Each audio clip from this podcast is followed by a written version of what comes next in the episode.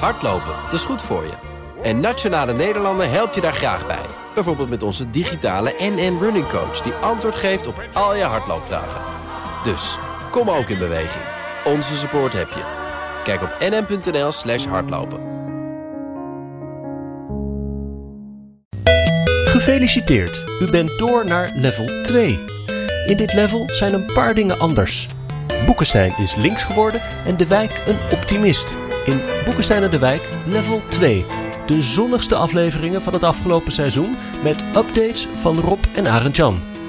Van Europa tot China en economie tot technologie, Boekenstein en de Wijk verkennen de contouren van de post-corona wereldorde. Vandaag trollen en spionnen. BNR Nieuwsradio. Boekenstein en de Wijk. Hugo Rijksma. Welkom bij Boekenstein en de Wijk. Op zoek naar de nieuwe wereldorde. Uw vitale infrastructuur voor de mening van Rob en Arend Jan. Met, als het goed is, Rob de Wijk. Hallo, Ja. hallo. Ja, Ja, ja, ja. we hebben contact. En hebben we zelfs daar Arend Jan Boekenstein? Ja, vanuit China. Ik ben omgekocht. Wat kostte dat? Oh, 6 miljoen. Ja, ja, dat eh, ben je goedkoop, Arend Jan. Onze gast is onderzoeker inlichting en veiligheidsdiensten aan de Universiteit Leiden, Willemijn Aarts. Welkom. Dank. Via de vitale infrastructuur van de wifi ook, Willemijn? Ja, blijkbaar. En het, eh, het doet het, dus ik ben eh, aangenaam verrast. Maar je weet nooit hoe lang. Nee, je weet niet wie er meeluistert, hè? En, en als nou bij Rob of Arend Jan zo de wifi er weer uitvliegt, is dat dan eerder China of Rusland? Ik denk Hangt er Iran. een beetje vanaf wat, eh, wat, de bedoeling, eh, wat de bedoeling is. Hè? Misschien hebben ze nog wel eh, andere vijanden of eh, staten die geïnteresseerd zijn in waar ze allemaal mee bezig zijn. Ja, Arend Jan, jij, noemt eh, Iran. Die staat we een beetje op drie in het rapport waar we het nu over hebben. Hè? Maar vooral Rusland en China worden daar aan de lopende band genoemd als de twee grote dreigingen. Ja, en ik, eh, ik heb het rapport een beetje gelezen. Ik ga er wel wat vragen over stellen aan de experts eh, Willemijn en Rob. Want ik vind het eigenlijk een heel merkwaardig rapport.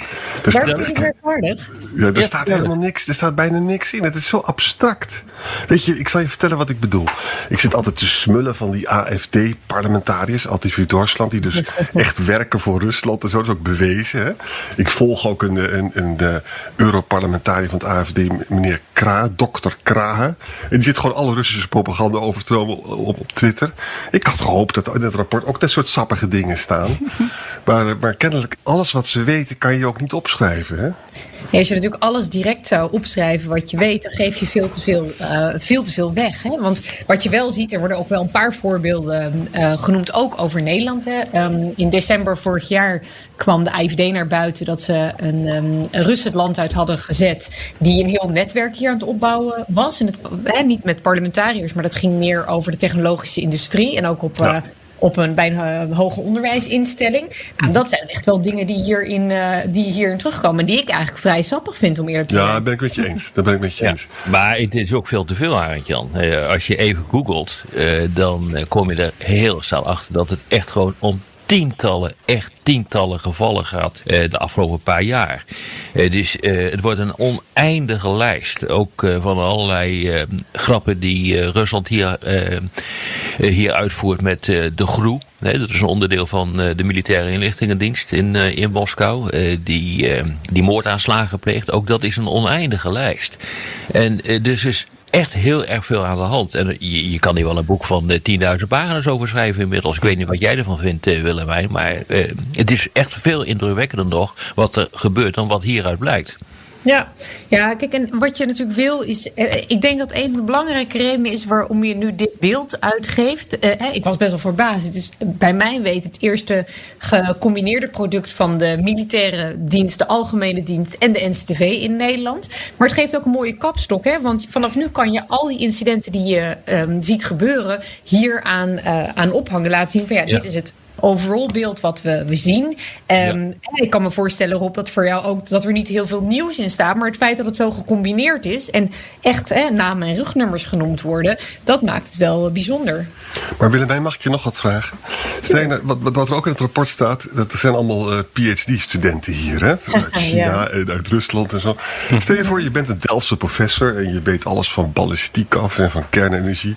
En er zit een eh, vrolijke Iranier tussen die promoveert Geert, dan zou, mee je, te schrijven. Ja. dan zou je toch als professor ook wel eens kunnen denken van... is dit nou een handig idee? Hoe zou dat nou, Nou, werken? ik- dat is echt wel een, een ding waar op universiteiten tegenaan lopen. Kijk, ik denk dat het instituut waar zowel Rob als ik eh, aan verbonden zijn, dat die zich nog redelijk bewust zijn van wat er kan gebeuren. Maar kijk, het zit natuurlijk in de kern van universiteiten om juist kennis te willen delen en mensen op te willen leiden. Ja. Ehm, maar daarmee ben je wel heel kwetsbaar. En Ja. ik eh, kan me voorstellen dat als jij als. eh, eh, hoofdveiligheid op een universiteit werkt, dat je best wel een harde dobber hebt om juist ook eh, je hoogleraren, maar ook je raden van bestuur ervan te overtuigen dat je daar echt wel mee moet, eh, moet opletten. Hè. We weten allemaal het, de ehm casus K nog eh, in Nederland. Het is echt een heel, eh, hele realistische dreiging. Hoe is dat Maar dan? weet je- casus K? Eh casus K, nou, op een gegeven moment is ehm, eh, de heer Kaan, die werkt hier in, eh, in Nederland. Die is Kaan, met met allerlei, ja, de atoomkennis. Geweldig ke- verhaal. atoomkennis ehm, eh, naar het buitenland gegaan. Ja, nee, maar oudere casus al, maar het laat dus ook zien hoe lang dit al speelt.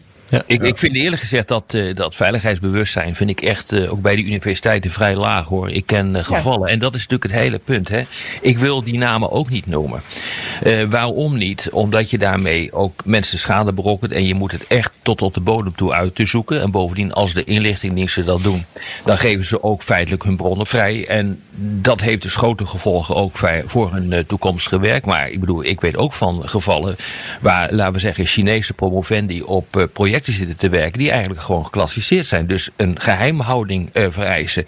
We weten tegelijkertijd ook eh, dat eh, het Chinese volksleger mensen plaatst in West-Europa, dus waarschijnlijk ook in Nederland, eh, juist om te promoveren en te kijken of je toegang kunt krijgen tot eh, dit soort, eh, eh, dit soort eh, gegevens. Eh, technische universiteiten die zijn wat dat betreft heel erg eh, eh, belangrijk. Maar bijvoorbeeld eh, waar Willemijn en ik zitten, ja, weet je, eh, ik zou zeggen, eh, hek er vooral op los en kom gewoon even langs om te praten, want daar gebeuren niet zoveel dingen die echt geheim zijn.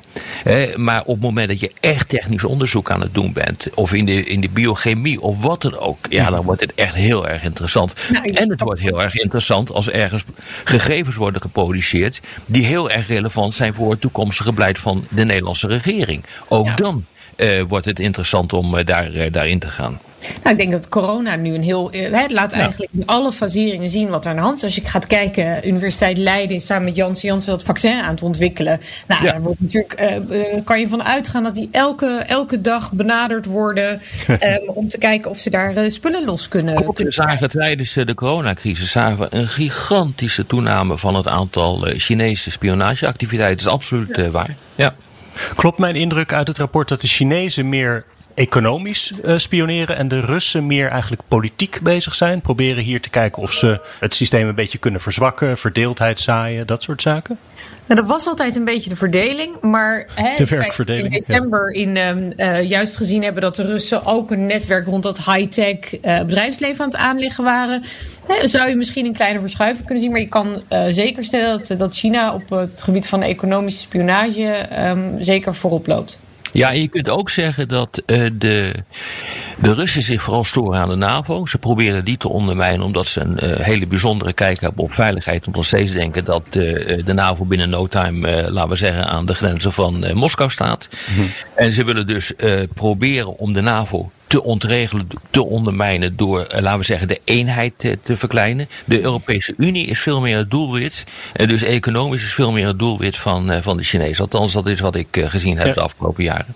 Om terug te komen, Arjan, eh, jij zei eh, dat voorbeeld van de banden tussen de Russen en de AFD. eh, dat werd genoemd in dat rapport. Hè? Er staat Ja. wel ook in dat de Russen geïnteresseerd zijn hier in politieke partijen en hun staf. Dat vond ik ook wel heel Echt een vraag, echt een, echt een vraag voor uh, Arend Jan hoor. Dit. Weet je, benaderd. Daarom, Arend Jan.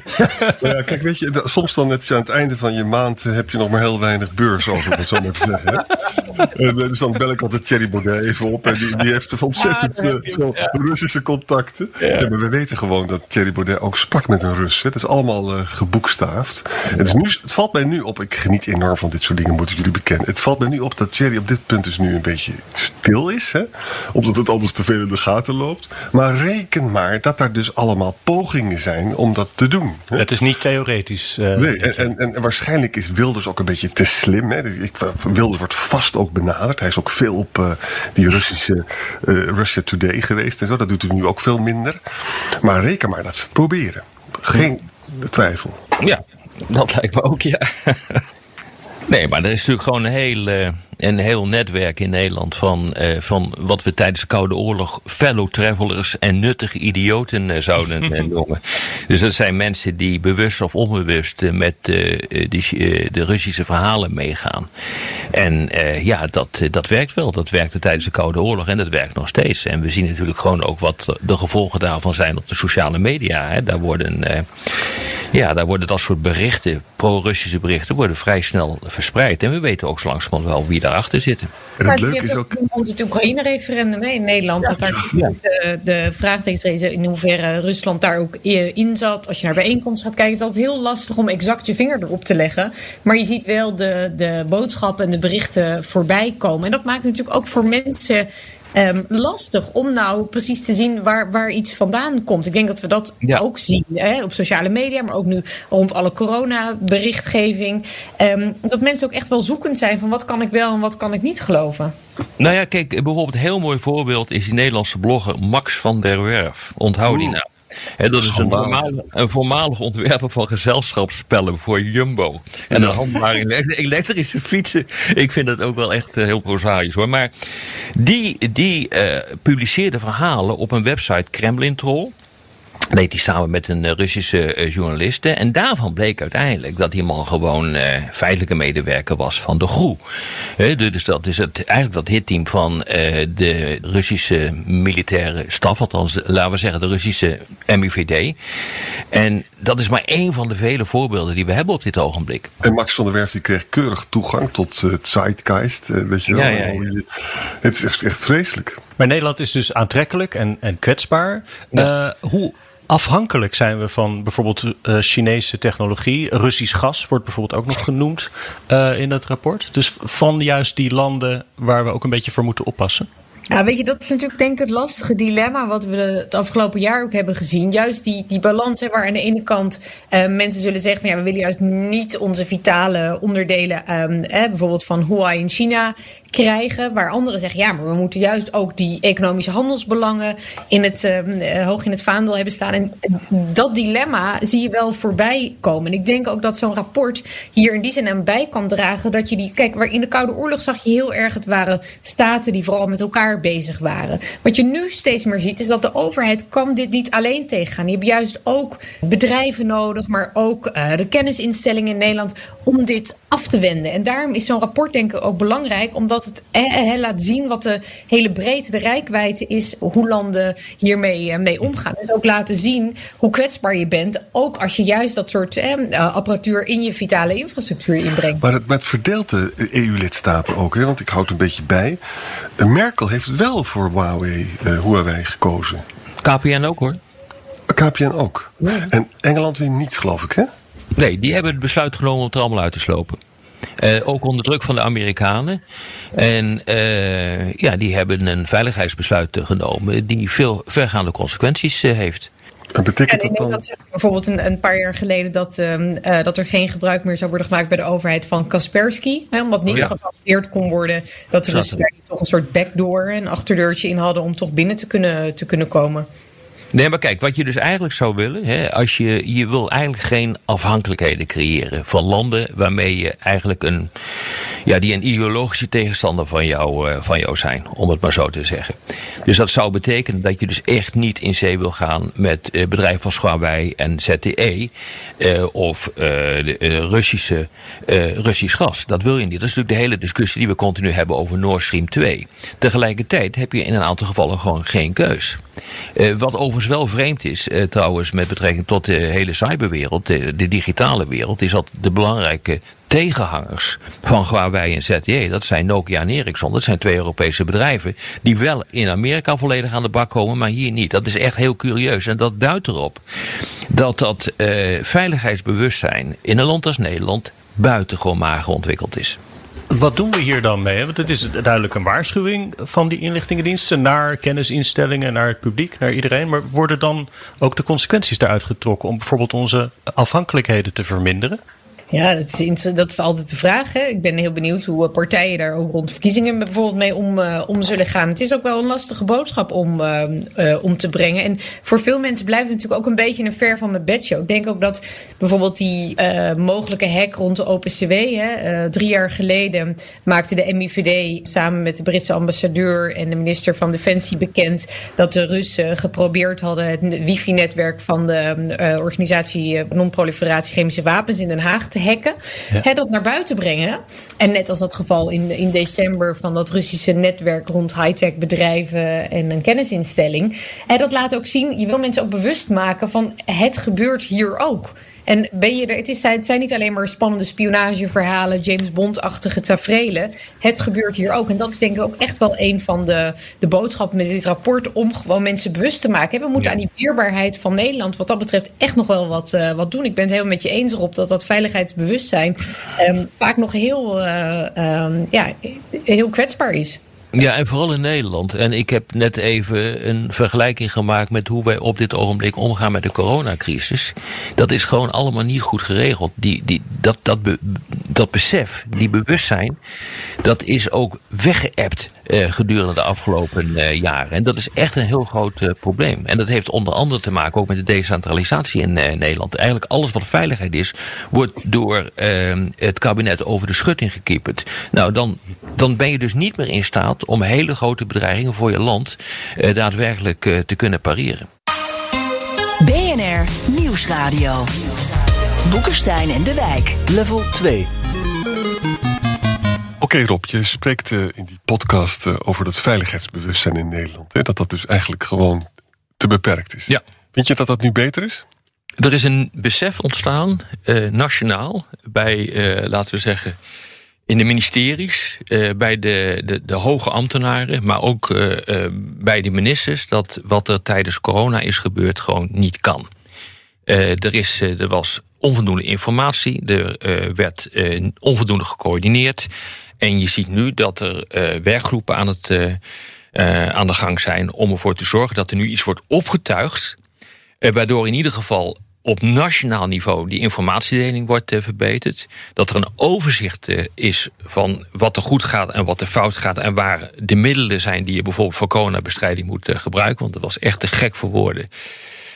dat bijvoorbeeld een, een, ziekenhuis in Rotterdam het de hele verdeling van IC-patiënten naar zich toe moest trekken. Nou, je ziet dat dat nu echt aan het veranderen is. En er komt dus eigenlijk ja, een stelselwijziging. Dat, nou ja, jij bent een oud politicus. Ik bedoel, dat zijn woorden in, uh, in, in Den Haag die, die alle, alle rode lampen doen, doen laten flikkeren. Maar wat je dus hier ziet, is dat we wel, denk ik, aansturen op een stelselwijziging. Gaat wel even duren. Maar dat betekent dus dat in dit soort grote crisis een, uh, een, een, regering veel meer zijn verantwoordelijkheid kan pakken. Centraler wil je dat? De, ja, het gaat centraler. En dat is de harde les die geleerd is uit corona. En de harde les die uh, geleerd is feitelijk is dat ja, die, die coronacrisis heeft, heeft, heeft duidelijk gemaakt dat feitelijk de regering geen deuk in een pakje boter kan slaan, omdat alles gedecentraliseerd is in Nederland. En is dat ook een verklaring waarom dus uh, buitenlandse mogendheden als China of als Rusland... die proberen onze eh, mening ook te beïnvloeden? Hè? Nee, in Nederland is ja, ja, buitengewoon kwetsbaar, ja. dus, dus, we hebben nogal wat wappies. En dat wordt heel erg duidelijk ook aangestuurd door zowel China als Rusland. Ja, we zijn heel kwetsbaar land. En het heeft onder andere ook te maken met het feit dat uh, uh, Nederland een van de belangrijkste internetknooppunten is. Ik, ik hoorde een, een hoge Russische functionaris zeggen dat er per jaar 120.000 cyberaanvallen tegen Rusland worden gepleegd. En die kwamen uit Amerika, Duitsland en Nederland. En dat komt omdat wij een heel belangrijk cyberknooppunt hebben in Nederland. Wij zijn een van de grootste cyberknooppunten in de wereld.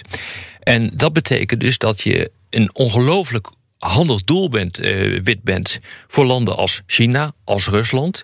Aanvallen op Amerika, vanuit Rusland, maar ook aanvallen op Rusland vanuit, nou, laten we zeggen, Amerika, die lopen via Nederland. Ja. Verband met het uh, cyberknooppunt.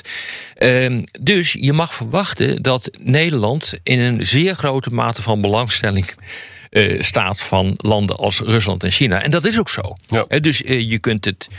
Je kunt het proberen om de publieke opinie hier naar je toe te trekken. En je kunt natuurlijk proberen om dingen kapot te maken door middel van hacks en andere cyberaanvallen. Wat mij nou zo interesseert, Stel je voor, je bent een wappie. Uh, Soms is het zo dat de theorie die je aanhangt... gewoon door de, door de feiten helemaal wordt uh, gelogenstraft. Hè? Leuk is nu, Rusland heeft nu tussen de 10 en 15 procent is maar gevaccineerd. Dat is heel erg weinig. Het loopt daar vreselijk op. Hè? Stel je ervoor dat je nou een wappie bent in, in Dordrecht... en je zegt dus van, ja, van die vaccins word je alleen maar ziek. Hè? We gaan nu straks meemaken dat er in Rusland iets heel ergs gaat gebeuren. Denk je dat die mensen op, op een gegeven moment zou het niet zo kunnen zijn dat die wappies op een gegeven moment toch zullen uitsterven? Nee, maar je hebt altijd, dat weten we ook wel vanuit onderzoek, dat er in, in 20% van de bevolking is gewoon afgehaakt, denkt op een totaal andere manier, eh, stemt op extreme partijen eh, en is van niks en niemand te overtuigen. Uh, nee, ik denk het niet. Die mensen zal je altijd houden. Het zal misschien, ze zullen wat meer in de verdrukking komen te zitten, maar die hou je altijd. Weet je waar ik bang voor ben? Dat die Natuurlijk zullen ze op een gegeven moment een beetje stiller zijn over wappies, omdat het niet meer zo goed uitkomt. Hè? Maar dan zoeken ze een nieuwe. En dat zou dan wel weer eens de EU kunnen zijn, hè? Ja, ja. Ja, maar goed, ja, nou, we hadden het natuurlijk ook in die uitzending over, over spionage. Ja. En eh, je ziet natuurlijk dat dat alleen maar doorgaat en alleen maar sterker wordt. Dus uh, dat is natuurlijk logisch. Ik bedoel, als die wereld gaat uh, veranderen en landen als uh, China komen op, Rusland wordt assertiever. Uh, economie wordt buitengewoon belangrijk. Je moet ervoor zorgen dat uh, je economie zodanig groeit dat je de sterkste kan worden van de wereld. En dat betekent dat je die kennis, die technologie ergens vandaan moet halen. En dan wordt spionage natuurlijk steeds belangrijker.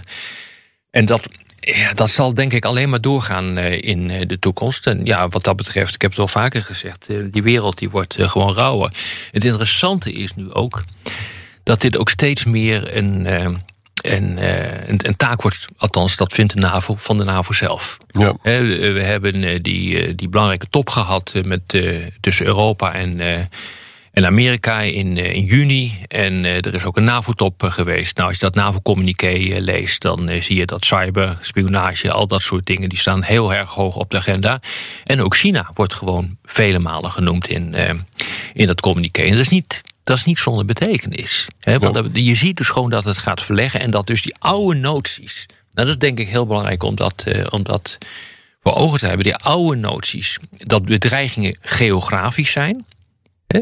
En de, de, de, NAVO heeft een geografische afbakening. Hè? Collectieve defensie gaat gewoon over de verdeling van je land. Dat die noties niet meer voldoen. Hè? Het, het, gaat ook om uh, cyber.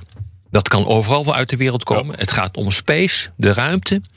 En, en, en je ziet dus dat je een enorme verbreding op dit ogenblik krijgt van uh, de hele discussie over uh, wat bedreigt ons en waar worden we bedreigd. En, en, en spionage is er een van, cyberaanvallen is er een van, uh, nou ja, desinformatie is er een van. En ja, dat zijn de middelen, de middelen om het te doen. En dat komt ook omdat al die grote partijen die eh, met elkaar in de clinch liggen op eh, mondiaal niveau, allemaal kernwapens hebben. Ja, en vind je dan op dat die desinformatie, dat wordt dus heel goed door China en Rusland gedaan. Hè? Doen wij daar zelf wel voldoende aan? Is daar wel een balance of power? Doen wij ook wel leuke filmpjes zoals Navalny doet, weet je wel? Of je slimme manieren over de paleizen van Poetin? Ja, ik denk het wel. Ik, uh, wat je dus nu ziet is dat uh, als er een grote hek is, of in Amerika, maar ook in Nederland, hè, OPCW een paar jaar geleden, dan wordt gewoon verteld wat daar gebeurd is. Dat, is, dat, dat zou tien jaar geleden ondenkbaar zijn. Dat is hele geheime informatie. Dus dat wil je niet op straat hebben liggen. En dat wordt nu wel gedaan, om ook duidelijk te maken wat er gebeurt. Ja.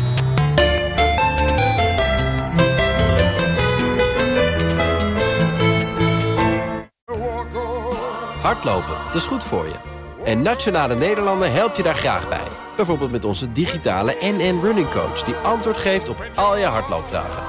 Dus, kom ook in beweging. Onze support heb je. Kijk op nn.nl slash hardlopen.